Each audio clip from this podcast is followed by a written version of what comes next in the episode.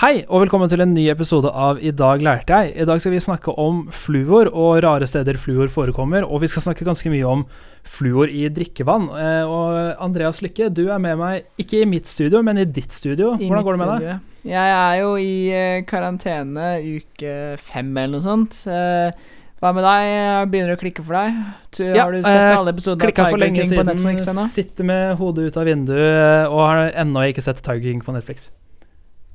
Nei, jeg, eh, jeg tror Carol Baskins drepte mannen sin.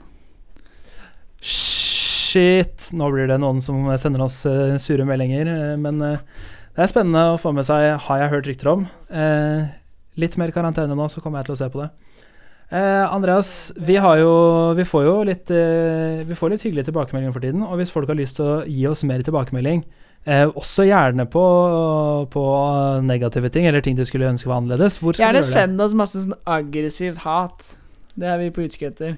Ja, jeg vil ikke snakke for Andreas Lykke, men jeg tenner litt på det.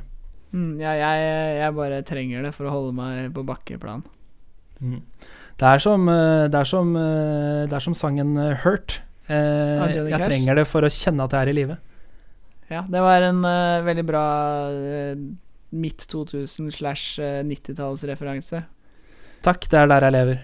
Ja, eh, men nei, hvordan skal du få tak i oss? Ja, du kan, det er mange måter å gjøre det på. Du kan gå inn på nettsida vår, idlj.no. Kan sende oss en e-post til post at idlj.no. Eller dere kan eh, finne oss på Facebook.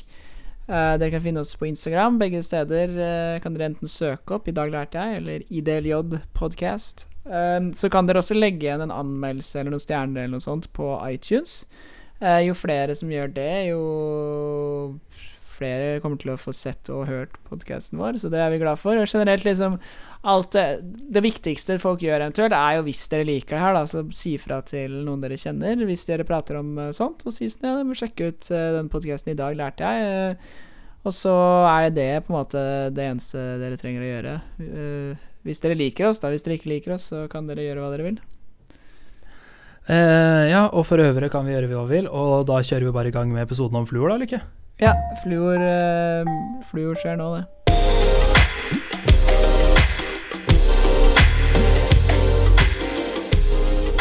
Hei, og velkommen til en ny episode av I dag lærte jeg. I dag skal vi snakke om et nytt grunnstoff, eh, og vi skal snakke om fluor og lykke. Hva er det du syns er gøy med fluor? Eh, nei, altså, jeg har jo blitt uh, tvunget til å bruke det som form av tannpasta i hele barndommen min, da. Og uh, det, har, det gjør jeg fortsatt. Det er, det er digg, å ikke råtne alle tennene mine. Det er digg å ikke råtne alle tennene sine. Jeg òg husker i tillegg til å pusse tennene, så hadde vi sånne små sånne fluortabletter. Hadde du òg det? Jeg har det fortsatt, jeg. Jeg kjøpte det for noen dager siden. Eller Nice. samboeren min kjøpte det for noen dager siden, for å være ærlig. Men ja. Det jeg liker også veldig godt, det at eh, det er eh, Det jeg liker godt med fluor, da, er at eh, det er på en måte en måte for staten å, å styre tankene mine på. Jeg tenker også det at som norsk statsborger så er det min plikt å høre på ni av ti tannleger, pusse tennene, ta fluortablettene mine, bli hjernevaska, Mm. sånn at jeg kan være en lydhør medborger. Da. Det er veldig viktig for, Gjerne for oss og staten Norge. Gjerne homoseksuell også. Og er det, er er det også av interesse? Vi kommer dit etter hvert. Vi kommer dit etter hvert, men eh, sånn, sånn er det jo. Uh, nå fikk du meg plutselig til å lure på om jeg skulle vurdere litt mindre tannpuss allikevel, men jeg, jeg er så fornøyd med tennene mine at eh, jeg tror jeg skal fortsette sånn som jeg har gjort før. Men du, uh, vi skal snakke litt om uh, fluor, og spesielt tannkrem og, og eh, tannhygiene, fordi det, har blitt et, det er et stort tema som har fått veldig mye kontrovers av en eller annen, av en eller annen grunn. Men, det, men visste du at fluor forekommer i eh, teflonpanna di, Gore-Tex-jakka di og i skismøring? Eh, skismøring eh, har jeg gjort, for jeg har lest eh, norske aviser hver dag i eh, de siste par årene. Nei, ikke sant? Så der har du den, da. Men jeg, som kjemistudent, så var det faktisk eh, Fluor ble interessant for meg første gang da jeg leste om teflon, fordi jeg er veldig glad i å lage mm. mat, og syns jo teflonpanne, stekepanne altså, har vært en, eh, en fantastisk ting som har kommet i vår tid, altså din og min tid eh, her på jorda, Lykke. Eh, hvor du har en stekepanne som, som har et belegg lagd av teflon, og det er ingenting som fester seg i det, eller i hvert fall nesten ikke noen ting som fester seg i det. Såkalt Eh, non-stick-panne. en non-stick panne, Happy Pan, som det ble lansert som eh, i USA. Det er riktig. Eh, det, så der leste jeg meg litt opp på det. Liksom, hva, er det hva, er det, hva er dette belegget? Eh, og lærte mye om eh, teflon. Jeg skal komme tilbake til etterpå, for der har jeg litt sånn Det er noen gøye historier her. Og teflon ble som alt annet oppdaget og oppfunnet ved en feil, eller flaks. Eh, og så er det jo samme belegg i teflonpanna som eh, Gore-Tex bruker i sine materialer. Altså Gore-Tex-membranen er teflon. Eh, eller i hvert fall en variant av teflon. Så Mm. Ting jeg lærte, ting jeg har lært eh, før, da, som jeg kunne tenke meg å dele i dag. Vi har snakka litt om det i karbonepisoden også. Jeg har vært så vidt innom uh, teflon. Det er sant, og det er jo det som er litt interessant med I karbonepisoden snakka vi om hvordan karbon binder til hydrogen, og at eh, hydrogenkarboner er liksom grunnlaget for alt organisk materi materiale. Eh, og hydrogen og fluor er på mange måter eh, rene motsetninger. Mm. Men begge har den egenskapen at de binder veldig bra til karbon. Eh, så jeg kommer tilbake til det når vi skal snakke litt om liksom, den rene kjemien her, da. Men eh, fluorlykke, har, ikke, har du lest litt på hvordan eh, det ble oppdaga og sånn, eller? Ja, det har jeg også. Visste du at eh, Men fluor er jo, for de som ikke vet det, bare en kjapp liksom, bakgrunn. Fluor er jo et grunnstoff. Eh, som regel, altså fluor man eh, I tannpasta er typisk i formen fluorid, da, som er eh, eh, som regel bundet til eh, Til eh, natrium. Fluorid. Eh, altså, men fluor i seg selv er et grunnstoff. Ja, det er faktisk det 13. vanligste grunnstoff på jorden. Vi har ganske mye av det. Vet du hvem de andre tolv er? I rekkefølge. Eh, i, rek I rekkefølge på jorda. Hva tror du? Hva tror du er vanligste? Eh, I jordskorpa, eller? Jeg jeg er bare på jorden, ja. Ja, eh, karbon. Eh, ja, karbon er faktisk nummer eh, f- 16 eller noe sånt. Åh, serr. Uh, silisium. Uh, ja, det er nummer to. Oksygen Det er er, det meste. Oksygen er nummer én. Ja, greit, riktig. Aluminium, jern, kalsium, natrium, magnesium, kalium, ti eh, titan, hydrogen, fosfor, fosfor Og mangan er det mer av. Men så kommer det fluor. Så kommer det fluor. Eh, og med tanke på at vi har sånn 118 grunnstoffer, litt færre enn det som forekommer naturlig på jorda, så, så betyr jo det at det fins en del fluor her. Det Fins mye. Eh, men det er veldig reaktivt, ikke sant? så det fins ikke så mye Altså, det fins jo ikke naturlige forekomster av fluorgass på jorden. Eh, det må i så fall vært på veldig spesielle steder. Ja, det stemmer. Og det, det er nok også sånn som eh, De Det fleste er grunnstoffer steder. Og, som ikke, er, eh, og, som ikke er metaller. Så. Stemmer. Og det er jo også derfor det tok så lang tid å oppdage fluor. Eller som ren fluorgass, da. Mm. Hvor er det det ligger på periodesystemet også, da? Eh, hvis periodesystemet er eh, et kvadrat, så har du øverst i venstre hjørne så har du hydrogen. Det er nummer én. Mm. Eh, øverst i høyre hjørne så har du helium, Mm. eh, på én måte. Men hele den Altså gruppe nummer åtte, edelgassene, som er de som ligger helt til høyre i periodesystemet, er hvert fall eh, kjemisk sett ganske uinteressante fordi de er inerte. Altså de reagerer inert, eh, de Mm. reagerer ikke med noen ting. Eh, så sånn som jeg ser det, så er det jo hydrogen oppe til venstre hjørne, fluor oppe til høyre hjørne, som er da en formell ladning minus én i Mm. de Ja, faktisk kanskje i alle forekomster av fluorforbindelser, formell ladning minus én, med unntak av i fluorgass. Eh, fordi fluor er ekstremt elektrontiltrekkende. Eh, elektronene på fluor henger veldig tett på kjernen. Eh, og den tar gjerne imot et siste Den tar gjerne imot et siste eh, elektron fra en annen kilde for å bli eh, nøytral. Ja. For å få fylt opp sitt ytterste skall. Og det er derfor at når vi, når vi liksom interagerer med fluor, så er det jo i fluorid, som er da F minus, det vil si et ioneform, eller fluor eh, som da har mistet eh, et elektron og er klar til å ta imot et eh, Nei, sorry, det har et, eh, et elektron for mye, blir det vel, da. Hvis det er eh, Stemmer. negativ Fått, lading. fått Så det kan elektron. donere et elektron, og dermed binde seg. Det er riktig, og det er jo altså Veldig ofte når man lærer om kjemi, og det her er jo noe som jeg syns er frustrerende og vanskelig også, er jo på en måte hvilken rekkefølge skjer ting med å gi fra seg elektroner og ta imot elektroner.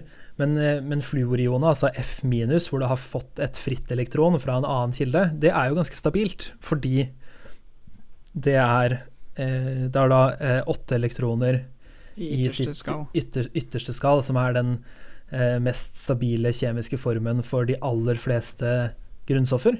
Og det, Eh, som blant annet den- da edelgassene er i, derfor de er så ure, ureaktive. Ja, og det er, da veldig kjapt om det, da, for helium er jo øverst i høyre hjørne, eh, Mm. og er den letteste av alle edelgasser. Eh, og Det er jo derfor man bruker helium i ballonger istedenfor hydrogen. Hydrogen ville vært lettere, ha mer oppdrift, eh, men helium reagerer ikke med noen ting. Så hvis du mister en fyrstikk på en ballong fylt med helium, så, så slokker fyrstikken. Det skjer ikke noe annet. Mm. Eh, mens hydrogenballongen vil jo som, eh, som kjent da, fra Hindenburg-tragedien, ulykken, eh, brenne eh, kraftig. Kanskje eksplodere. Og når du sier Hindenburg-ulykken, så mener du selvsagt den russebussen i Bærum som ikke får lov til å rulle i år.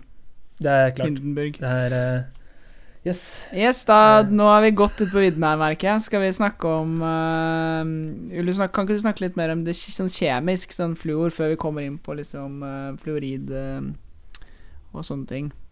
Jo, det kan jeg godt. Jeg har jo nevnt det litt nå. Fluor i sin naturlige tilstand er en gass. Men eh, fluor som forekommer på jorden, er nesten aldri ren fluor. Den vil alltid være, som du nevnte, fluorid, fordi den har det mangler et elektron for å komme på stabil form, og måten den får det elektronet på, er vanligvis ved å reagere med et annet grunnstoff. Mm. Og fluor er på mange måter det stoff, eh, grunnstoffet som reagerer mest med andre grunnstoff. Mm. Det kan reagere med nesten alle andre grunnstoff og ta et elektron. Eh, så det er ekstremt reaktivt, og derfor er det jo også litt spennende å jobbe med det. Det har jo altså Det kan reagere med nær sagt alt, så hvis du klarer å få det på den rene formen, så kan du gjøre mye gøy.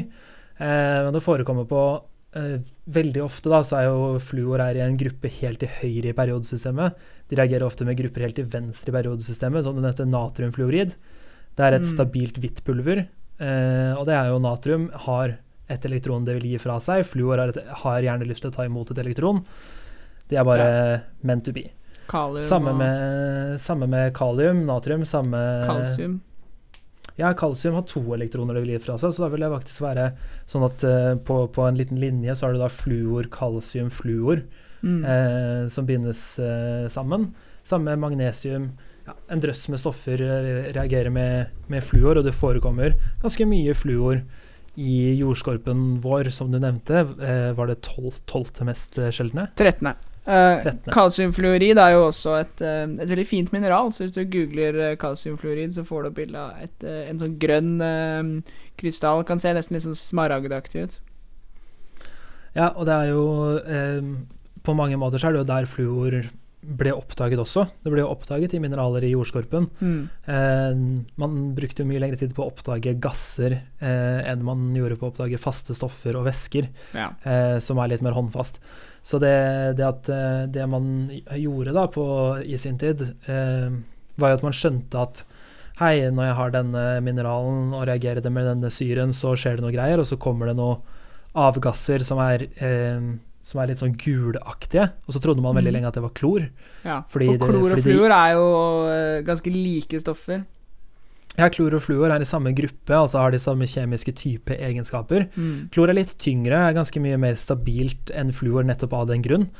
Eh, så, så man på en måte skjønte at det var noe der, klarte å bevise at det ikke var klor pga. fargen var lik, men eller lignet, men var ikke lik. Mm. Eh, så klarte man etter hvert, da det var det en, en fransk kjemiker som eh, Som heter Henry Moisson. Henri er det vel. Henri Moisson. H-e-n-r-i. Takk, eh, jeg trengte den. Her om dagen så, så spilte jeg et brettspill hvor noen var veldig nøye på at han het Descartes, ikke Descartes, som jeg syns er veldig gøy å si. Eh, og rett etterpå så slang de ut en Paris, og da sa jeg da må du i hvert fall si Paris hvis du skal si Descartes. Ja. Eh, støtter hei til eh, brettspillklubben. Eh, men ja, han eh, oppdaget jo fluor. Eh, Eller han lagde i hvert fall uh, den første fluorgassen. Altså, fluor var jo kjent fra før av, men ikke liksom, han- det var ingen som hadde klart å uh, isolere det og fremstille gass. da Sånn som han gjorde. Stemmer, takk. Uh, og, og han gjorde jo det ved å ja, kjørte elektrolyse, altså han satte på strøm Mm. på en, eh, på en blanding av eh, altså kalium, hydrogen, difluorid. Det er jo en, en kalium-hydrogen-fluorforbindelse, eh, hvor han klarte å, å lage eh, hvor han klarte å lage en væske, hydroge- hydrogenfluorid, eller Mm. flussyre, HF, eh, som er en, er en ganske interessant eh, syre også, eh, som han eh, videre da klarte å separere eh, hydrogenen fra fluoriden eh, ved å kjøre det på en ganske standard elektrolyse, hvor de på ja, ganske standard elektrolyse, men på ganske dyre og sjeldne jordartmetaller klarte å skille hydrogen fra fluoren, og klarte å lage ren fluorgass for første gang, og Ja. vant nobelprisen for det. Med veldig lav temperatur. Var nede i 50 minus. Når han, Ja, eh, 50 minusgrader eh, celsius. Ja. Eh, og det er jo Grunnen til at du har lyst til å gjøre dette her ved veldig lav temperatur, er jo nettopp eh, reaktiviteten. Fluor vil reagere med nær sagt alle andre grunnstoffer. Og hvis du ønsker at den skal reagere kun med seg selv, altså å slå to fluor sammen, så er det jo greit å senke den generelle reaktiviteten i rommet, og reaktivitet henger direkte Mm. sammen med temperatur. Er det det man så, kaller å slå to fluor i en smekk? Veldig bra, Lykke. Nå, nå blir jeg skikkelig glad. Ja, jeg, jeg smiler. Og nå, da fant han, jo, fant han jo ut da, hvordan man kunne syntetisere fluor som en ren fluorgass. Selv om man ikke bruker ren fluorgass til så veldig mye, så er det jo noe med det å isolere et grunnstoff for seg sjøl, og det vant han eh, eh, Nobelprisen i kjemi for. 1906. Det må ha vært en av de aller første, da. Eh, det stemmer. Han var veldig tidlig ute, og han var jo på en måte sånn som veldig mye annet handler om når det handler om å, dette å vinne en pris for arbeid du gjør. Var jo veldig heldig med å ha de eh, Nobelprisen ble nettopp en big deal akkurat da han gjorde store gjennombrudd.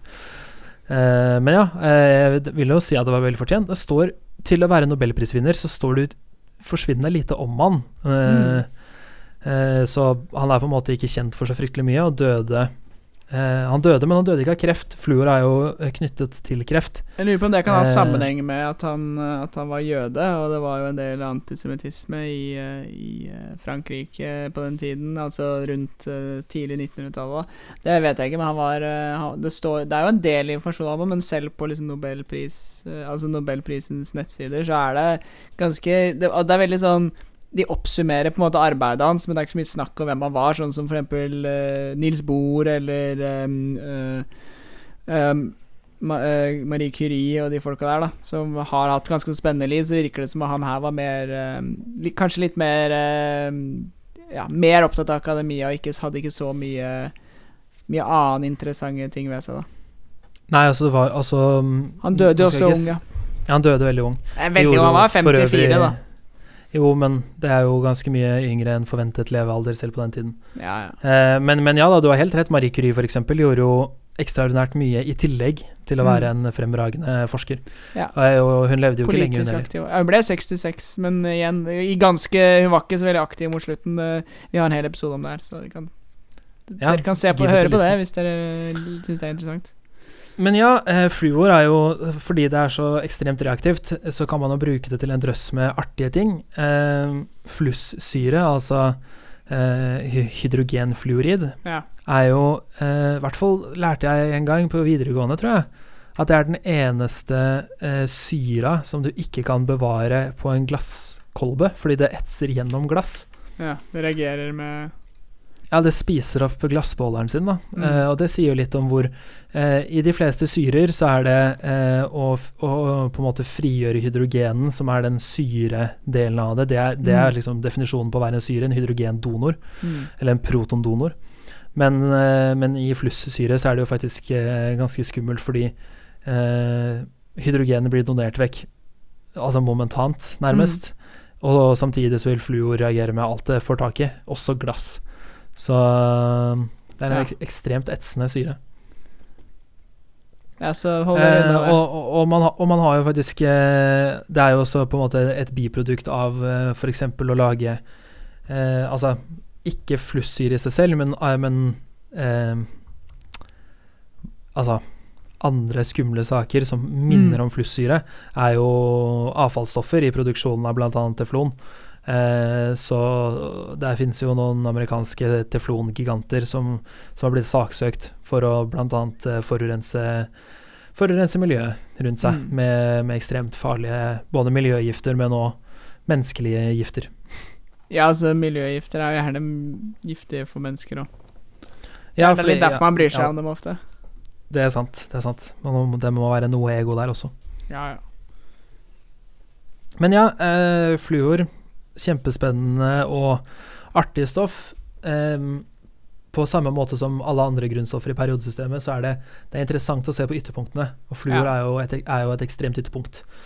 Eh, så vi kunne snakka mer om fluor fordi det er dette ekstreme ytterpunktet, men jeg tror det er mer interessant og artig å snakke om eh, Fluorid. ting, ting i hverdagen hvor fluor forekommer, eh, eh, nettopp fordi det har disse egenskapene. Da. Eh, så etter hvert så tenkte jeg kanskje Eller jeg tenkte kanskje vi skulle gå over til å snakke om tannhygiene, eh, for der er det jo veldig mye å ta tak i her.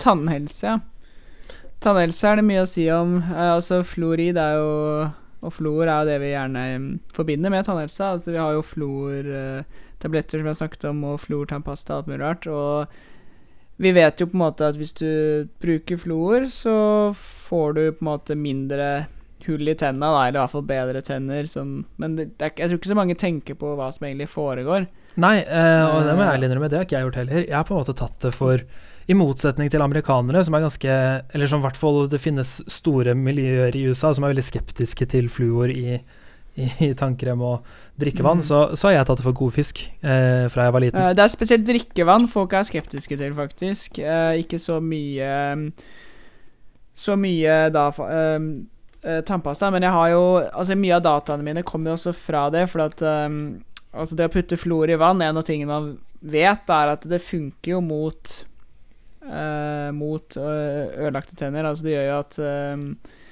Altså sånn tannråte går ned opp mot eh, 44 eh, eh, noen, noen mener det er kanskje litt lavere, ned på 30-tallet, men det er ganske mange prosent reduksjon av eh, tannråte når man eh, tilsetter flor i vannet. Her i Norge og stor del av Europa gjør vi ikke det, da, men vi, eh, vi er ganske opptatt av, eh, av tannpastabruk. Og um, det er mye av de samme konseptene. Altså Hele poenget her handler om å få eh, flor eh, inn i tennene. Ikke sant? Yes. Og det er jo en del måter å gjøre det på. Altså Sånn som vi gjør, er jo, er jo å smøre det utover tennene. Eh, men eh, hvis man spiser eh, flor, eller drikker flor, så absorberes det veldig fort av kroppen eh, i, blodpla i blodplasmaen, men det lagres kun i såkalt kalsifisert vev. Det er bein og tenner. Hey. Eh, Så 99% av alt flor i kroppen finnes i bein og tenner. Ehm, og man vet også eh, Og man vet også at karis, karies, altså um, såkalt Ja, det som får, gjør at du får hull i tenna, da, Mm. um, er ikke um, det er, det, er ikke, det, er ikke, det er ikke sånn at det er fluoridmangel som gjør at du får karis. Karis er en bakterieinfeksjon. Riktig. Eh, Så faktisk du går langt nok tilbake i tid. Altså Tidlige mennesker hadde ikke eh, hadde ikke karis, altså hull i tenna som forårsakes på samme måte som oss. Da, fordi at eh, de, de bakteriene rett og slett ikke var eh, i menneskepopulasjonen ennå. Men sånn som det er i dag, så er, er det så mye karis at eh, hvis man ikke pusser tenna, så vil du få store bakteriepopulasjoner som vokser seg opp og rett og slett ødelegger tennene dine. Da. Eh, men jeg trodde jo faktisk at eh, at det eneste grunnen til at man brukte fluor, er jo at eh, det er eh, At det dreper bakterier. Man bruker jo blant annet også fluor eh, kan, Man kan bruke det til å sterilisere litt ting og sånn også, fordi igjen, det dreper Det er jo giftig eh, til en viss grad. Og det er ikke bare derfor man bruker det som tannpasta, det gjør flere ting. Det reduserer såkalt demineralisering. Det er da når um, tannemaljen begynner å løsne, eller begynner å liksom um, um, Brytes ned. falle sammen, da. Brytes ned, ja. Eh, det, det reduseres eh, av fluor, eh, som gjør at tennene tåler mer, rett og slett. Og det, det øker også såkalt remineralisering, dvs. Si der det bygges opp igjen der det er skadet.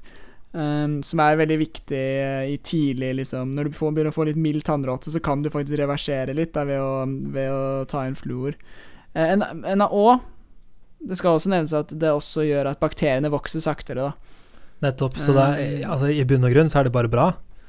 Eh, Det er ikke Altså, vi, vi, vi, kan snakke litt om, om det er bare bra. Altså, det så, så vidt moderne forskning sier, altså pusse tenna, uh, kanskje drikke litt uh, munnskyllevann, gitt at du ikke har så, sånn veldig parfymert munnskyllevann, så er ikke, har ikke noe særlig Er ikke noe farlig for deg. Det er direkte bra, for at faktisk sånn Får du skikkelig tannråte, det er dødt. Du kan dø av det.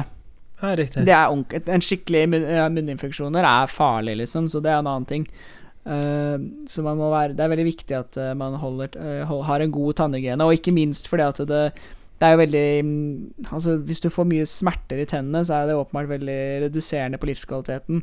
Og eventuelt liksom skade fra, fra overforbruk av flor vil nok ikke Vil nok ikke føre til noe lignende av det. Altså, det er jo på en måte to typer Altså, man snakker om fluorose, da.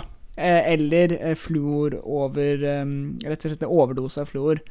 Det vanligste er såkalt dental fluorose, som kommer av overinntak av fluor over tid. Typisk så skjer det i små barn som svelger tannpastaen sin. Ja, så du får for mye i kroppen, ikke der hvor det skal være, på en måte? Jo, det, det er der det skal være, men eh, det blir for mye fluor, og, og det takler ikke helt kroppen. Det er ikke, det er ikke direkte farlig i de aller, aller, aller fleste omganger, men noen mennesker har sånne små eh, hvite merker på tennene, som liksom er litt hvitere enn resten av tennene, eller kanskje de kan være brune til og med, men ofte så er det sånn hvite striper, og det kan, det kan være tegn på såkalt fluorose, at du har fått i deg for mye fluor over, over tid. Ja. Det kan også skje hvis du spiser for mye um, Spiser for mye sånne fluortabletter. Fluortabletter for øvrig er jo en litt sånn norsk jeg, jeg prøvd å google det, og det ser ut som en del land har eh, Altså i Australia eh, virker det som det er forbudt, og i USA så må du få det um, solgt Eller du må få det på resept, da, fordi at eh, der er det jo vann Flor i vannet, så der er det faktisk et problem at folk kan få i seg for mye flor da, hvis de eh, Hvis de drikker veldig mye vann i tillegg til å drive og spise flortabletter og alt mulig rart, så får de seg litt mye Igjen, dette er ikke sånn som Dette er ikke sånn at de dør, men altså fluorose Får du ekstrem fluorose, altså veldig mye fluor over lang tid, da kan du få faktisk misdanning av tenner, da. Men dette er hovedsakelig et problem eh, blant barn, men det kan også skje Det kan også skje i eh, mennesker. Men igjen, dette skjer eh, hvis du svelger fluor, og det tas opp i kroppen, da. Eh, og det er um, Det er jo en av grunnene sikkert til at vi At i Norge så er det ikke lov å tilsette fluor til drikkevannet. Uh, det er noe i private brønner, men hvis det er, Og grunnvann kan ha litt sånn varierende fluorgrad, da, men hvis det blir for mye fluor i brønn, brønnen, så kan du Gitt at den ikke bare er bare din, da. I din private brønn så har du er det ingen som kommer til å kontrollere den, og det er jo ingen som kommer til å sjekke, eh, mest trolig. Men hvis det er en, et lite hyttefelt, for eksempel, som har en brønn de bruker, og det er for mye fluor, så kan det hende at man må ta, ta tiltak da, for, å, for å redusere det. Ja, fordi Eh, Rett og slett. Og da er det jo um, Og da er det også Da sier de spesielt for barn som har tenner, eh, sånn dannelsestenner, så sier de at hvis de drikker eh, vann med fluor i seg, så skal man ikke ta um, Skal man ikke ta mer um, fluor, da. Annet enn ved tannpuss og sånn, fordi tannpussen har en annen viktig effekt, og det er at selve pussingen er kanskje det viktigste når det gjelder å ta bakterier, for det skraper fysisk vekk bakterieplakken fra tennene dine. Så det er også veldig viktig å gjøre. det er veldig viktig. Eh, du sa jo noe artig her nå med private brønner og naturlig forekomst av fluor. Fordi eh, Har du hørt om Colorado browning? Nei. Eh, det her var jo faktisk eh, Jeg må bare ta det. av. Eh, det, eh, det ble jo um, Det er jo ganske mye oppstyr, eller har i hvert fall i perioder vært det. Spesielt sånn 2009 fant jeg enormt mye, nyhetssaker på, på USA og, og fluor i drikkevann. Eh, Ja, det hvor det blir tilsatt. Eh, hvor det var mange grupper som var veldig skeptiske til dette. Tilsette kjemikalier som ikke er der naturlig. Men eh, fluor er en veldig naturlig forekomst. Vi snakka jo om helt i starten av episoden hvor mye det faktisk finnes av det her ute i verden. Og i Colorado, eh, jeg mener at dette var på 50-tallet, så 1950-tallet, viktig å nevne i, vår podkast, eh, så, Mm. så var det en, en landsby hvor det var veldig mange som hadde brune tenner. Altså ikke flotte, hvite perlerader, men, eh, men ganske brune tenner. Eh, Men det som var litt eh, artig, var at alle hadde alle tennene sine. Det var, det var veldig, veldig vanlig at eh, de fleste folk på den tiden hadde mye problemer med karis. Eh, Mye tretenner og mye ja, spesielle erstatninger for tenner og, og sånn. Eh, men i denne byen her da, så var det sånn Ok, greit, alle sammen, ingen har fine tenner, men alle har alle tennene. Hva er det som er så spesielt her? Og da fant Ja. du jo nettopp det. Veldig høy naturlig forekomst av fluor i drikkevannet. Eh, og altså one thing led to another, og det er der eh, Det er liksom opphavet til forskningen på er fluor positivt for, eh, for tannhygiene. da. Ja. Eh, så det som er, eh, de hadde så mye fluor i vannet at de fikk litt brune tenner. Eh, og det var jo noe av det du nevnte som, som en Ja, mulig, mulig bieffekt av å få i deg for mye fluor. Eh, men de hadde også da Kan være mange grunner til at de hadde brune tenner i, på 50-tallet. eller det. Absolutt. Det er jo noe med at de kanskje drakk mye vann og ikke pussa tenna så mye, så de fikk i seg fluor, men ikke Mm. nettopp den der skrapingen av belegg på Mm. tennene. Ja, uansett, de hadde alle tennene sine, eh, og det var det jo noen som ble interessert i, og fant ut at hei, det, det som skiller denne byen fra nabobyen, er rett og slett veldig høy forekomst av fluor i drikkevannet. Og så begynte amerikanske myndigheter å tilsette fluor i drikkevannet eh, ganske mange Mm. steder. Eh, og du sa at det ikke var så rart at jeg hadde lest noen nyhetssaker om dette fra 2009. Har det, hadde du funnet noe om det her òg, eller? Jeg har sett eh, Det er veldig mye Det var mye Det var litt sånn en, eh, ny push for å putte inn eh, det, sånn i drikkevannet på 2000-tallet. Da var det både De drev med det i, i, i Storbritannia også. Riktig. Så jeg så at det var mye, mye i USA som skjedde rundt den tida. da Men jeg kan bare Bare for å eh, En ting jeg sa i stad, bare for å liksom kontekstualisere et par ting. eh, angående liksom når eh, Når flo, Hvordan fluor tas opp. Og som jeg sa, skjelett og tannbein og sånn ta, tar opp fluorid hele livet, men selve tannemaljen eh, får kun fluorid, fluor, da, eller fluorid inni seg under tanndannelsen, altså når man er barn. da Så tannemaljen påvirkes ikke av eh, fluorinntaket ditt når du er voksen. Så veldig mye av denne forskningen på, på akkurat fluorinntak er jo akkurat på barn, fordi at barn har både et større behov kanskje pga. akkurat dette med tanndannelse, men også en eh, lavere toksisitet. Altså sånn, så det skal mindre til før det blir for mye, men det er viktig at det blir noe. Nettopp. Og så er det jo Ja, det er jo noe jeg lærte hele livet, eller i hvert fall hele barndommen, var jo nettopp det. Ta godt vare på tennene dine, du får bare én sjanse med de. Så det er jo Mm. det du sier, du, du blir liksom ikke tilsatt noe mer. Og ikke svelg tannkremen din. Ikke svelg tannkremen din, nei. Jeg, jeg fikk ikke høre det, men det var heller aldri noe som falt meg inn. Eh, Jeg skjønte at det var sånn spyttegreie. Men kanskje munnskyllevann er jo noen som svelger også. Jepp. Eh, Jeg leste, Det er jo interessant. Altså, det er jo liksom morsomt at en av, en av tingene for å få barn til å pusse tennene, har jo vært at det har vært tilsatt smak til tannpasta. Men akkurat det har også ført til at flere barn svelger um, tannpasta. Ja, fordi det smaker digg, ja. Rett og slett for godt. ja, eh, hadde du, du sa du hadde fluortabletter da du var liten. Hadde du sånn med banansmak eller mintsmak? Eh, banan. Jeg var ikke så glad i fluortabletter. Ah, jeg, vi hadde det med mintsmak, og jeg var sånn som kunne gå og ta, poppe et par ekstra piller hvis eh, mamma ikke så på.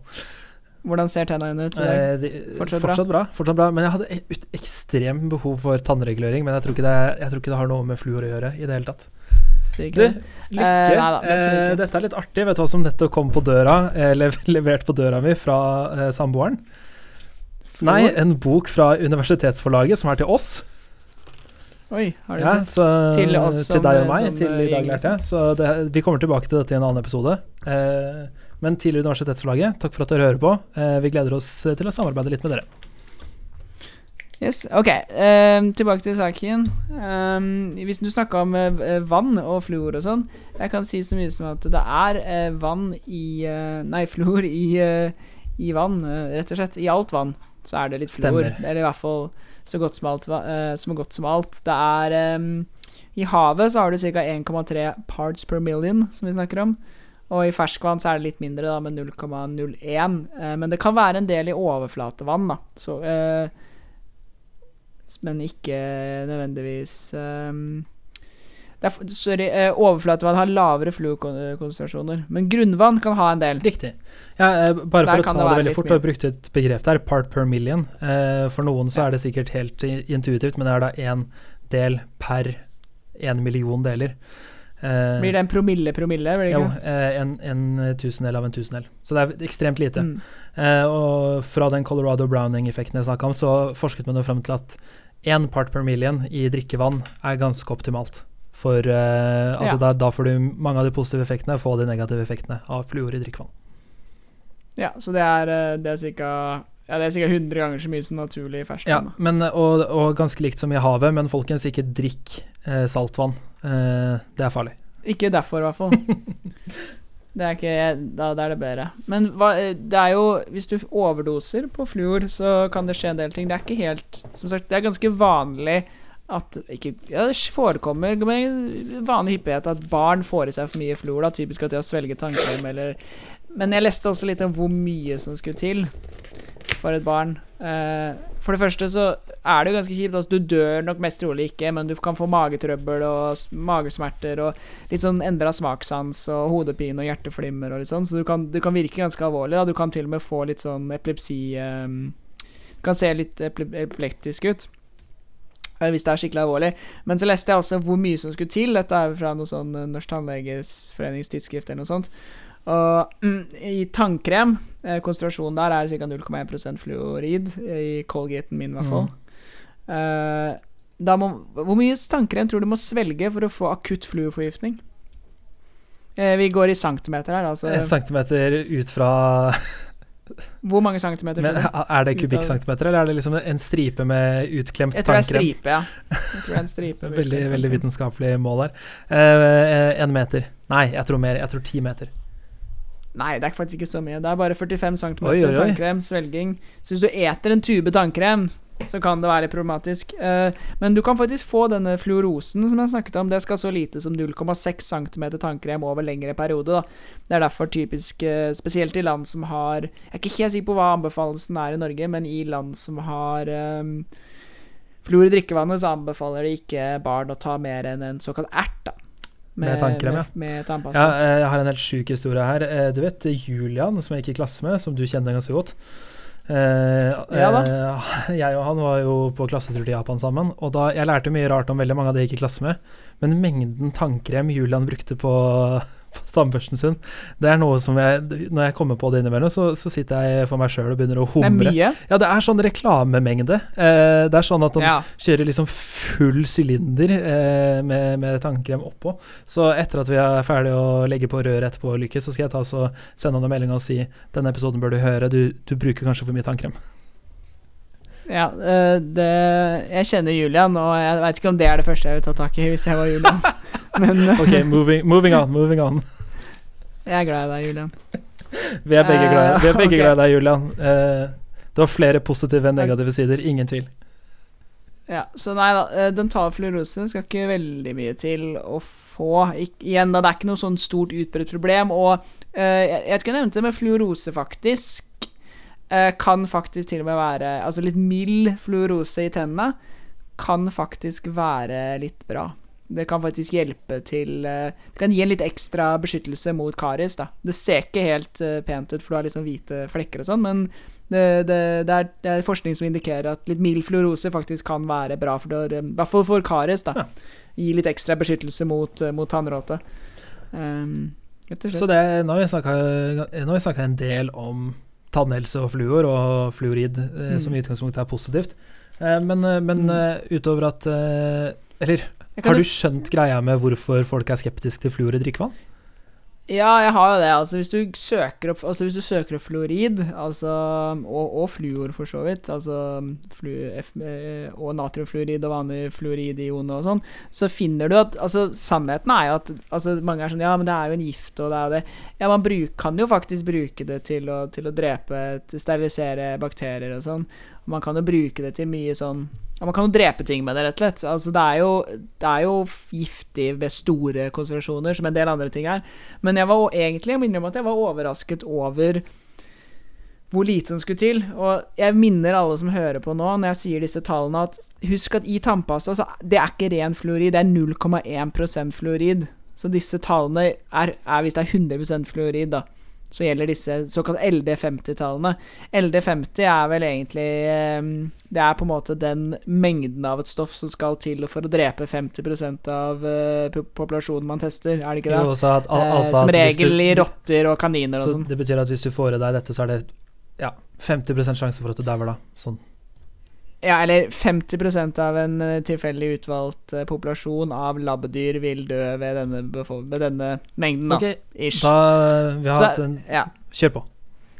kjør på. Uh, nei, eh, jeg kan ta litt andre stoff uh, først. Altså, vi har jo um, Jeg kan nevne begge deler. Altså, Natriumfluorid har Det rapporteres at det er alt fra liksom ned i noen Altså Av seriøse kilder så er det alt fra kanskje 22-23 milligram per kilo eh, til sånn 40-50 milligram per kilo. Da begynner du å nærme deg en dødelig dose. Eh, sammenligning eh, med andre stoffer så har du på en måte Ibu, Ibuprofen, altså det som er Ibux, 636 milligram per kilo, altså sånn ca. 20-30 ganger så mye. Mm. Koffein 150-200 mg per kilo, sånn ca. 8 ganger så mye. Salt, altså bordsalt, 3000 mg per kilo. Oh, wow, du Altså- tåler mye salt. Altså sånn over 100 ganger så mye. Heroin eh, ca. 21,8 mg per kilo, så ca. det samme, da. Men nå igjen, da, som jeg sa i stad eh, Eller som jeg kanskje ikke sa i stad, men jeg tenkte det i hvert fall. Altså, jeg, altså, folk tar ikke og injiserer ren fluor inn i årene dine og hører på jazz, liksom. Så det er, det er litt annerledes. Nei, men det er ikke eh, helt det det samme. er med fluor som det er med heroin. Du vil ligge litt er- under dødelig dose. Ja, og dette er også 21,8 mg per kilo heroin er også injisert, da. Altså ikke på en måte bare hvis du spiser det, for eksempel. Som er, den, eh, som er den Um, vanlige måten å få det i seg, eller? Jeg bare lurer. Nei, Å spise heroin? Nei, jeg, jeg vet ikke. Jeg tror det er uh, jeg tror det er tror- injisering mellom, tåna, tå, mellom tærne, er det ikke? Det er det jeg jeg, Jeg tror man lager te av man det. te av det. Da, og og med, de, med det så går vi videre til andre interessante gifter, eller? Ja, eller Så poenget mitt er i hvert fall at, uh, at det er jo giftig, fluor. Uh, så det er jo ikke Det er jo på en måte Det er det de peker på, veldig mange av disse folka som uh, driver med litt sånn alternativ eh, forskning, om du kan kalle det. Altså rett og slett reinspikka konspirasjonsteorier, det meste av det. Annet enn dette med at liksom, det er jo anbefalte grenser. Altså sånn, Det er jo en grunn til at alle stater og sånn sier sånn Ja, det er og, og, og i Norge også så har vi jo en anbefalt daglig grense som det ser ut som ganske mange egentlig um, går over, da. Men det er jo ikke sånn at en anbefalt daglig grense av noe er ikke sånn at hvis du tar mer av det, så kommer du til å bli dårlig. Det er jo for den, den er jo lagt lavt, ikke sant. Det er jo på en måte Over den grensa så får du kanskje ikke noe særlig helseeffekt uh, ved å gå over, og du kan begynne å nærme deg liksom at noe kan skje som du ikke helt vil ha, da. Men man har sett at det er mye Man får i seg en del fluorid i Norge, kanskje litt mer enn man burde, men det er ikke liksom sånn det er ikke sånn som de, de mest hardnakka gærningene hevder, da, for der er det mye rart. Um, jeg vet ikke om vi skal inn på det med en gang, men uh, kan, vi, vi, kan, vi kan eventuelt spare det til etterpå hvis du har noe annet interessant om fluor og, og dens giftighet. Nei, jeg tror vi kan gå på hardnakke gærninger, og så skal vi hoppe videre til noen andre temas. Ja, ikke sant? Uh, fordi jeg må innrømme at jeg blir litt, jeg blir litt, alltid litt fascinert når ting blir rart, da. Uh, Som vi, som vi alle blir. Men her kan, det altså på Flor så kan det bli ordentlig rart, liksom. Dette her er i sånn Dette er i sånn 5G-territorium. Oh, yes. I sånn eh, Her er det Her er vi her, Dette er sånn pro level konspirasjonstenkning. eh, hvor, hvor på en måte her, her, her er det liksom sånn Hvis du søker det opp, så er det sånn du kommer, du kommer fort inn på liksom Altså, det, nevnes, det nevnes så mye bra ting. Det nevnes Hitler, og det nevnes eh, Kina og USA og alle eventuelle Og sånn Verdens helseorganisasjon og FN og Nato og Bill Gates og alle sammen kommer Ja, opp. jeg leste en fin, leste en fin artikkel som jeg tror hadde tittelen 'Nord-Korea fluor, kolon alt du burde vite'. Ja, ikke sant? Så jeg må, bare, jeg må bare kjapt lese litt fra noe jeg fant. Dette her, dette her kom via litt sånn eh, kjapp søking i de litt mørkere sidene på nettet. Men dette er også en bok som selges. Eller boken dette er basert på, uh, selges faktisk på norske nettbokhandler. Uh, den er skrevet av uh, Hvis jeg egentlig faktisk ikke si hva han heter, men han var en gjøk. Uh, den, den heter Dette er en artikkel som heter 'Killing Us Softly'. Causes and co Consequences of the Global Depopulation Policy. Som handler om sånn depopularisering. Det er egentlig en teori som bare baserer seg på at uh, alle verdens ledere egentlig prøver å drepe en stor del av befolkningen Nettopp. eh, i alle land. Men dette er, for det første er det, dette er 109 siders artikkel som åpner føl som følgende. 109 sider. The insights for this article, which is a prelude to a forthcoming book Dette er 109 sider artikkel, som er da starten på en bok. So came to me during a 75 day hunger strike while in pre-trial detention in Canada for my defense of human rights. Det er den første setningen i boken. Jeg føler at han går i forsvaret også, tidlig her. Og så er han også Before releasing this paper for publication, I thought long and hard about asking for advice and direction from President Obama, Ban Ki-moon and Pope Francis II. Så han, han, tenkte skal jeg spørre president Obama om råd? Sånn, og han presenterer det som han, ja, det, det, der, der, får du nok svar. Paven han, men, men, han kommer til konklusjonen at han trenger det egentlig ikke. Han har all informasjonen han trenger. Ah, ja, ja, det, det, Obama om råd. Det gir mening. Hva med ja. Ban Ki-moon, da? Var det interessant, eller var det uinteressant for han?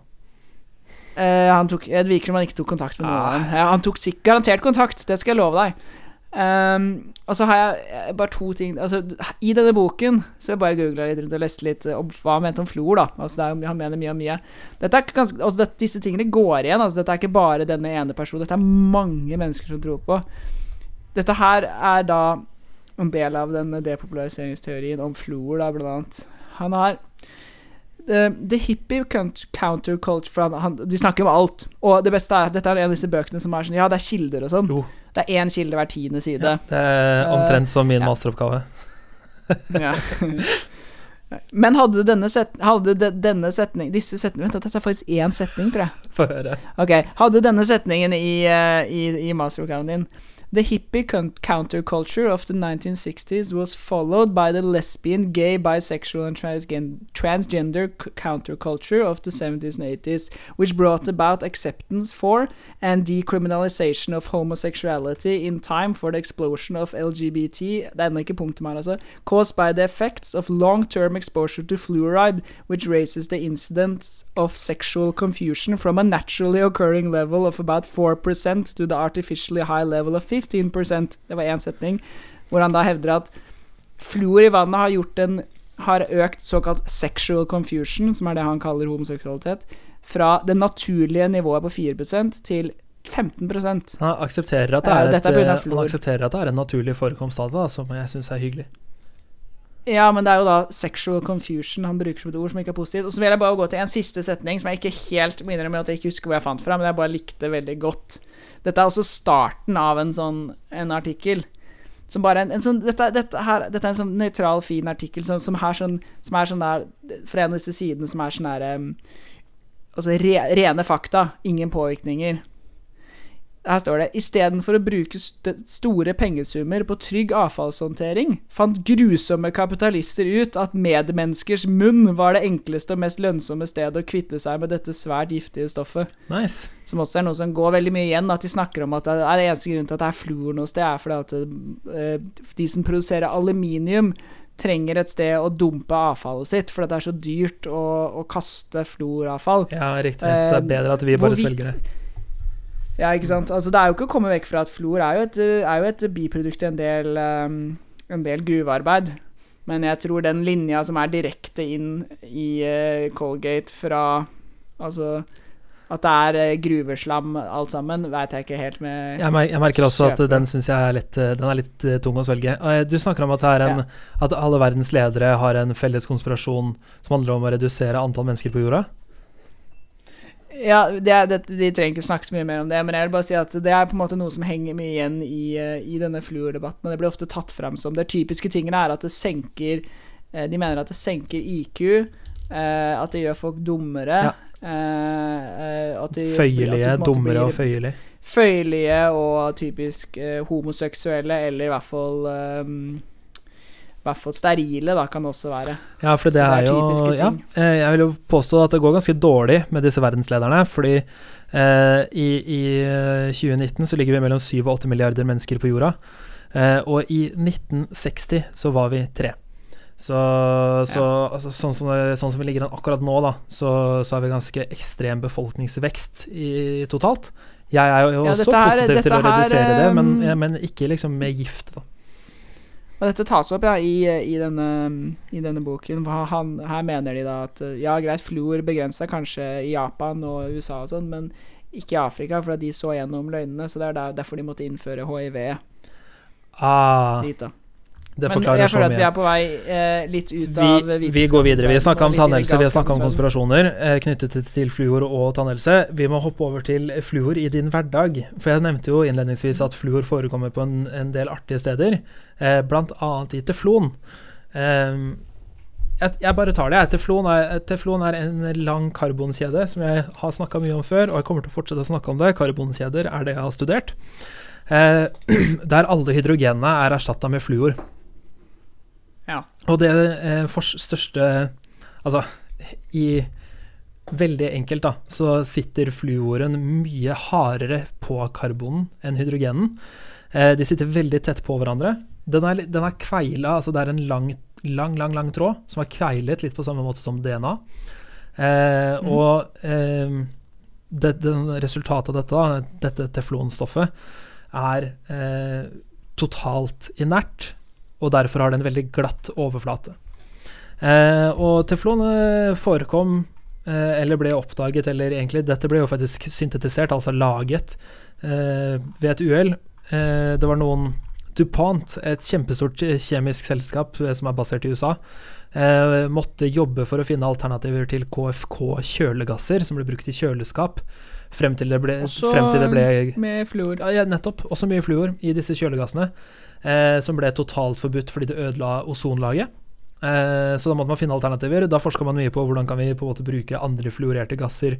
For man bruker fortsatt fluorerte gasser, men man bruker også gasser som ikke er karbon, klor, fluor, eller er det Ja, det er i hvert fall klor og fluor da, som er disse liksom, kildene til at ozonlaget har sprukket opp. Men nå går jo ozonlaget Nå Ja. går det veldig bra med ozonlaget, så det funka. Uansett, da. Ja, for disse var liksom de store synderne når det gjaldt det der hull i ozonlaget. Var sånn KFK-gasser, var det ikke? Og litt sånn freon. sånn. Absolutt. Freon er jo en KFK-gass. Eh, og som navnet kan høres ut som, da, hinta litt om, det er mye fluor i det. Eh, poenget var man kunne bruke fluor på andre måter, og man forska litt på det. Og eh, ved, når, når en av disse forskerne skrudde opp dysa eh, på fluor eh, på maks fordi han ikke fulgte med, eh, så dannet det seg et hvitt belegg inne på liksom glassveggen som han drev og reagerte eh, karbongasser med andre ulike tilsetningsstoffer. Eh, men, men bare fluor denne gangen. Og så lagde han en sånn eh, glatt hvitt belegg som var sånn Hva er det her for noe? Skrudde av alle dysene, slapp ikke inn noe mer gass. Eh, prøvde å ta på det, og det var liksom Det var som å ta på en glatt, nesten vokset overflate. Skjønte ikke helt hva han hadde laga. Eh, analyserte det. Dette er ganske moderne tid. Eh, og klarte å lage Mhm. da teflon. Teflon, eh, kjempeartig stoff, kan brukes til utrolig mange forskjellige ting. Eh, men vi kjenner det kanskje mest altså fordi det er, man bruker det som et rent belegg i, eh, i stekepanner, fordi det er kjempebra nonstick. Mm. Og jeg ble jo, som veldig mange andre, veldig nysgjerrig på Ok, greit, teflon fester seg ikke til noe, vil ikke reagere med noe, derfor er det kjempebra å bruke det som overflate. Men hvordan fester du teflonen på selve stekepanna, så Ja. den holder seg på plass? Eh, Mm. og det er en industrihemmelighet. det, Ah. det, vi, jeg vet, vi vet ikke. Eh, det er jo veldig mange forskjellige selskaper som, eh, som eh, produserer teflonpanner. Eh, Mm. Og hvis du tenker hei, jeg kunne gjerne godt tenke meg å bli et sånt selskap, så må du enten kjøpe eller finne opp din egen primer, ditt eget lim, for å få teflonen til å Ja. feste seg. Eh, for det de gjør da med maling som er veldig så, eh, de, Altså, du kan eh, se for deg at du har en vanlig stekepanne av rent jern, og så skal de male den med teflon. Det er omtrent det de gjør. Eh, så de bare De, Ja. de, blå, de, altså de eh, sandblåseren til den har en veldig ru overflate, og så maler de den først med en primer. Den er, det er hemmelig, det er ingen som vet hva det er. Når du sier en primer, hva mener du da? Det er et lim. eh, i, det, I dette Ja. tilfellet. Eh, det er et Mm. heftestoff mellom en ru metalloverflate og teflon. Eh, Ja. Og så blåser man teflonen på som, eh, som en malingsspray. Mm. Eh, men man har også brukt ulike varianter av eh, teflon eh, til mye rart. Teflon kan også Det er jo en mann som heter Gore, som har funnet opp et veldig interessant stoff som heter Gore-Tex. Eh, Mhm. Og det er jo også Altså, han kaller det Det er liksom expanded teflon. ja. Eh, så det ved å utsette teflon som er sånn småelastisk eh, eh, Hvis du drar det sakte, så er det ikke så veldig elastisk. Men det han gjorde da, var at han dro det eh, Se for deg at du holder en, en eh, sylinder av eh, teflon. Så klarte han å ta tak i hver ende og bare kjemperaskt dra det fra hverandre. Da innførte han eh, Og han oppdaget at det kunne jo Det var jo superelastisk når du gjorde det fort. Eh, og da innførte han ekstremt mye luft i dette. Og så analyserte de det her og så at hei, her er det jo porer som er av en eh, det, er, det er ekstremt porøst. Det er veldig små porer. Hva kan vi bruke dette til? Eh, og de fant ut at porene er så små at eh, vått vann, altså vanlig vann, eh, kan ikke renne gjennom dette, men vanndamp kan passere gjennom. Eh, Så stundom siden da så skjønte de jo at det, det betyr jo at når du svetter, så er det veldig mye vanndamp i klærne dine som kan gå gjennom denne membranen og altså ut fra kroppen. Men eh, hvis det Mm. regner, så vil ikke det regnvannet gå inn på kroppen. Så har du altså funnet Ja. opp Gore-Tex, en pustende, vanntett membran, eh, som har blitt en Mm. verdensindustri. Mm. Teflon brukes også til å installere datakabler. Yes. Eh, og, og, og i, i en drøss med andre viktige Viktige eh, I Manhattan-prosjektet, da de skulle lage Mm. verdens første atombombe, eh, så hadde de jo masse rør hvor de skulle frakte ulike kjemikalier fra, fra A til B. Eh, og alle disse rørene var eh, belagt med teflon på innsiden, nettopp fordi det er veldig glatt og Mm. veldig lite Veldig lite sjanse for at du har noe rest av et kjemikalie etter at det har rent gjennom et teflonrør, fordi det bare fyker av gårde. Ja. Trenger nesten Jeg bare Ja. Eh, nevne, for de som er litt sånn, eh, sånn som meg, litt sånn rare på det, uh, så er vi er klare over at teflon er et merkenavn, akkurat som jacuzzi er et merkenavn, og rollerblades er et merkenavn. Så når vi snakker om teflon, så mener vi selvsagt ikke nødvendigvis bare merkevaren teflon, men stoffet polytetrafluoretylen. Veldig bra like. Eh, Eller PFTE, PFTE, da. Som og veldig mange, veldig mange har jo hørt om polyetylen før. Det er jo en type plast som vi har snakket om tidligere. En veldig vanlig Mm. type plast. Eh, og eneste forskjellen på polyetylen og polytetrafluoretylen er at eh, hydrogenet er erstatta med fluor. Så Mm. eh, det forekommer i teflon, altså i stekepanna di. Det forekommer som Gore-Tex, som er en slags variant av eh, teflon. Eh, det forekommer Mhm. mye i rørleggerteip. Altså det, den er den hvite teipen som ikke er Den er ikke heftende, men du bruker den med, i gjenger da, når du skal skru sammen en, eh, en mutter og en skrue. Så, eh, Mhm. så kler du skruen i teip før du skrur det sammen. Da har du en perfekt vanntett membran. Perfekt når du skal være rørlegger. Eh, og så mm. forekommer jo fluor, ikke som teflon, men fluor forekommer i et stoff som er veldig kjært for oss nordmenn. Eh, skismøring. Ja. Her er det litt artige Her er det mye forskjellig artig, faktisk. Dette er jo en sak som er uh, veldig aktiv og i stadig utvikling, egentlig. Jepp. Uh, og jeg snakka med en kompis som er Han er forsker i Olympiatoppen akkurat nå. Uh, og jeg diskuterte litt med han, fordi jeg sa jo sånn Ok, greit, man har, eh, man har nå innsett og funnet ut at eh, fluor fra skismurning er en miljøgift. Det påvirker eh, det lokale dyrelivet, og i hvert fall på mikro, mikronivå. Der hvor vi har skiløyper, så er det annerledes mikrobiotika enn eh, ellers i skogen rundt. Eh, Men dette er jo fluor er dette, dette er fluorerte forbindelser, det er, ikke- er det, er ikke fluorid? Eller er det det som er, det som litt, eh, det som er her òg, på samme måte som i denne primeren i teflon-stekepanna, mm. her er det mye industrihemmeligheter. Eh, mye Ja. patenter, mye ulike fluorbaserte stoffer som vi ikke egentlig helt vet alle Men det er veldig så mye fluor, er det ikke? I en del, er det ikke? Kan man ikke nesten smøre rein fluor på og så få effekt? Man prøver jo å bruke Altså, eh, man, det er noe som heter fluorpulver. Eh, og som Ja. vi nevnte tidligere, så er jo fluor på sin naturlige Altså fluor ved romtemperatur er egentlig en gass, hvis du skal ha det helt rent. Ja. Så jeg antar at det er fluorpulver er eh, natriumfluorid eller kalsiumfluorid, som ville vært et helt hvitt pulver hvor det er ekstremt mye fluor. Eh, men ja, man bruker jo fluorpulver, rent fluorpulver, som skismøring. Eh, det er en ekstremt Mm. god glider. Eh, men ja eh, Avdanka skismøring. Altså når du bruker eh, skismøring på skiene dine, så blir det litt smøring igjen i naturen. Og det ikke Det har en negativ effekt på nærmiljøet. Og så spurte han da kompisen min eh, Kunne vi ikke bare regelrett bannlyst eh, bruk av fluor, så vil jo på en måte Ok, greit, så vil alle verdensrekorder på femmila og sånn eh, stå der for evig tid, fordi man går vekk fra å bruke de raskeste skiene noensinne. Eh, men Mm. men så, men så på en måte hvis alle gjør det samtidig, så kan man jo bare slutte. Og da sa han det eh, I en ideell verden så ville det vært kjempelett, eh, men det er jo så sinnssykt mye konkurranse og juks i konkurranse. Eh, hvis, altså, ja. hvis alle bare kunne slutta å dope seg, så ville jo sykkelsporten også vært litt annerledes. Eh, så Ja. det er jo det er på en måte det han sammenligna det med en gang. Det hadde vært kjempeinteressant og veldig aktuelt å si vi må bare kutte det helt, fordi vi veit at det er negativt. Problemet Mm. er bare eh, de som beholder det i skjul, er de som vinner. Så Det brukes jo i eh, Det brukes jo faktisk i ganske mye um, Altså, det brukes jo mye sånn amatørskirenn også, ikke sant. Folk som går Birken og i den grad det heter amatørskirenn, og, og liksom barneskirenn og sånn, også brukes jo faktisk flor, ikke sant, for folk vil komme først. Altså sånn, selv om det ikke på en måte For man kan jo forby ting i profesjonell idrett, men sånn, det er ikke alltid så lett å kontrollere på, på juniornivå. I hvert fall ikke når det på en måte Man kan jo kjøpe det på nettet, liksom. Det er ikke noe vanskelig å få tak i fluorsmøring. Nei, akkurat nå så kan du kjøpe det på XXL, så jeg mener det er ikke noe Mm. vanskelig. Eh, jeg skulle jo Det var jo mitt neste og, og naturlige oppfølgingsspørsmål. Ok, greit, la oss si at vi beholder det i profesjonell idrett. Kan vi ikke bare fjerne det fra allmennheten? Eh, og da hadde hun akkurat det du nevnte der, ikke sant. Det, vi, vi, det kommer bare ikke til å gå. Hvis ikke vi klarer Man kan å jo gjøre det ulovlig å selge, akkurat som man, man Altså Det er jo ikke sånn at du får ikke kjøpt Ja, tidligere nevnte heroin på, på XXL, altså man kan jo ulovliggjøre stoffer.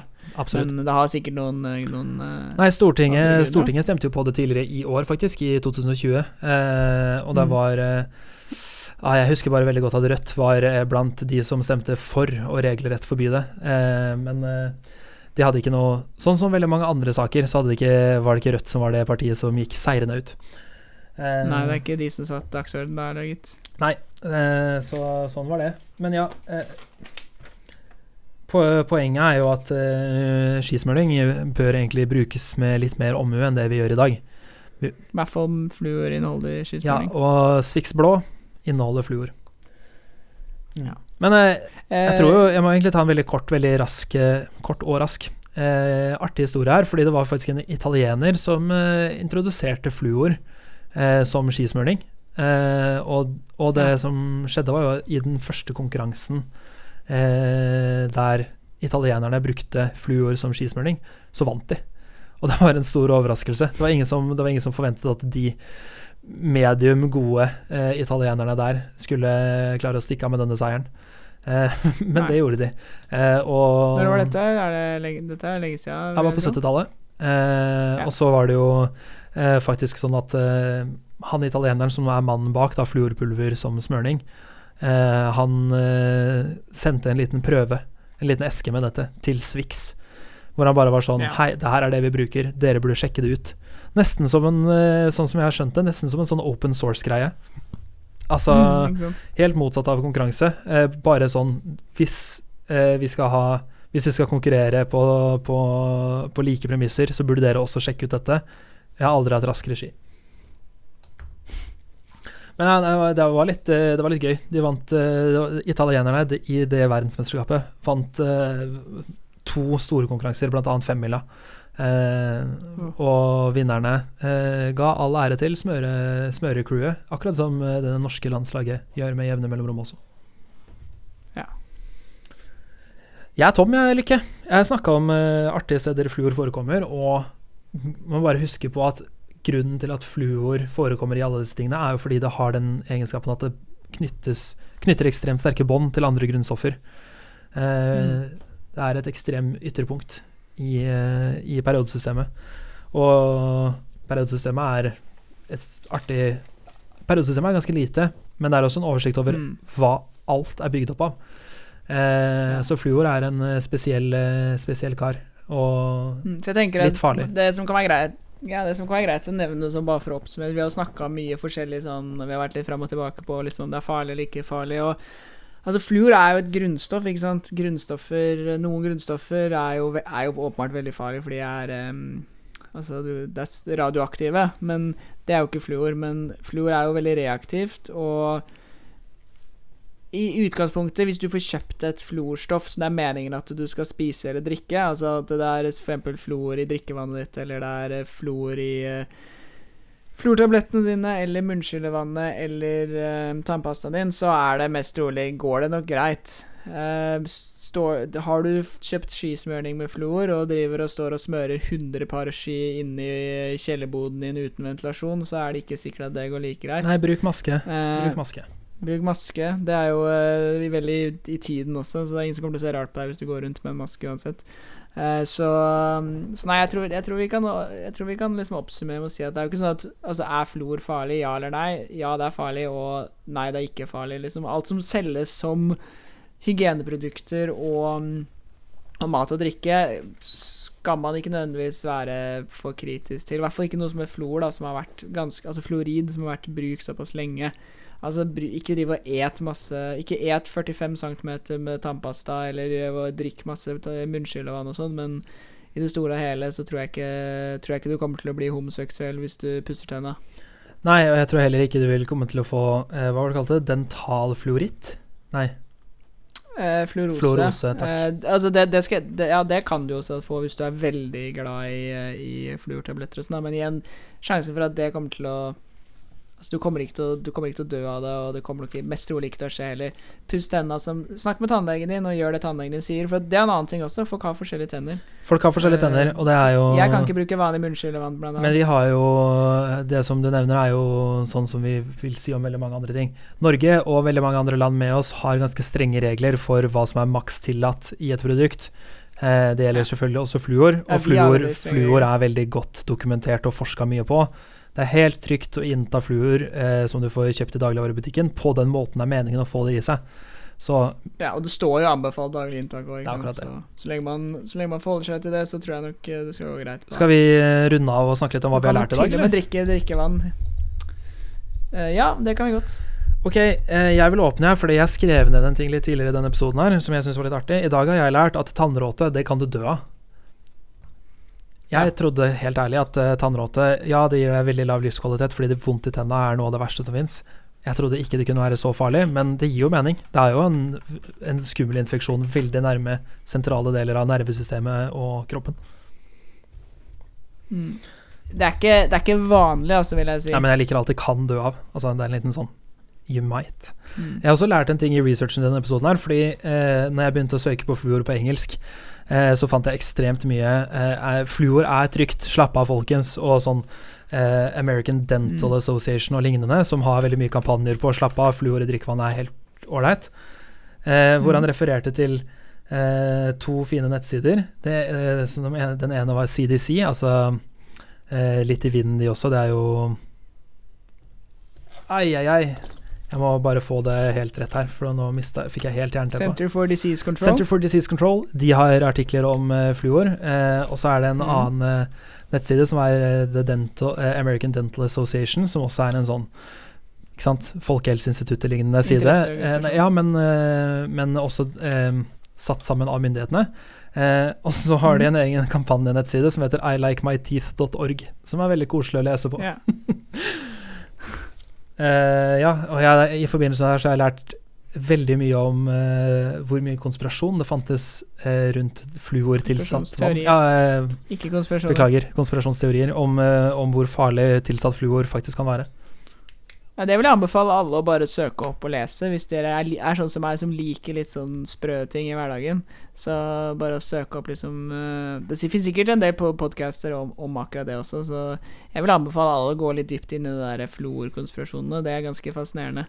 Eh, og det baserer seg altså på en, en misforståelse, men det er fortsatt ganske morsomt.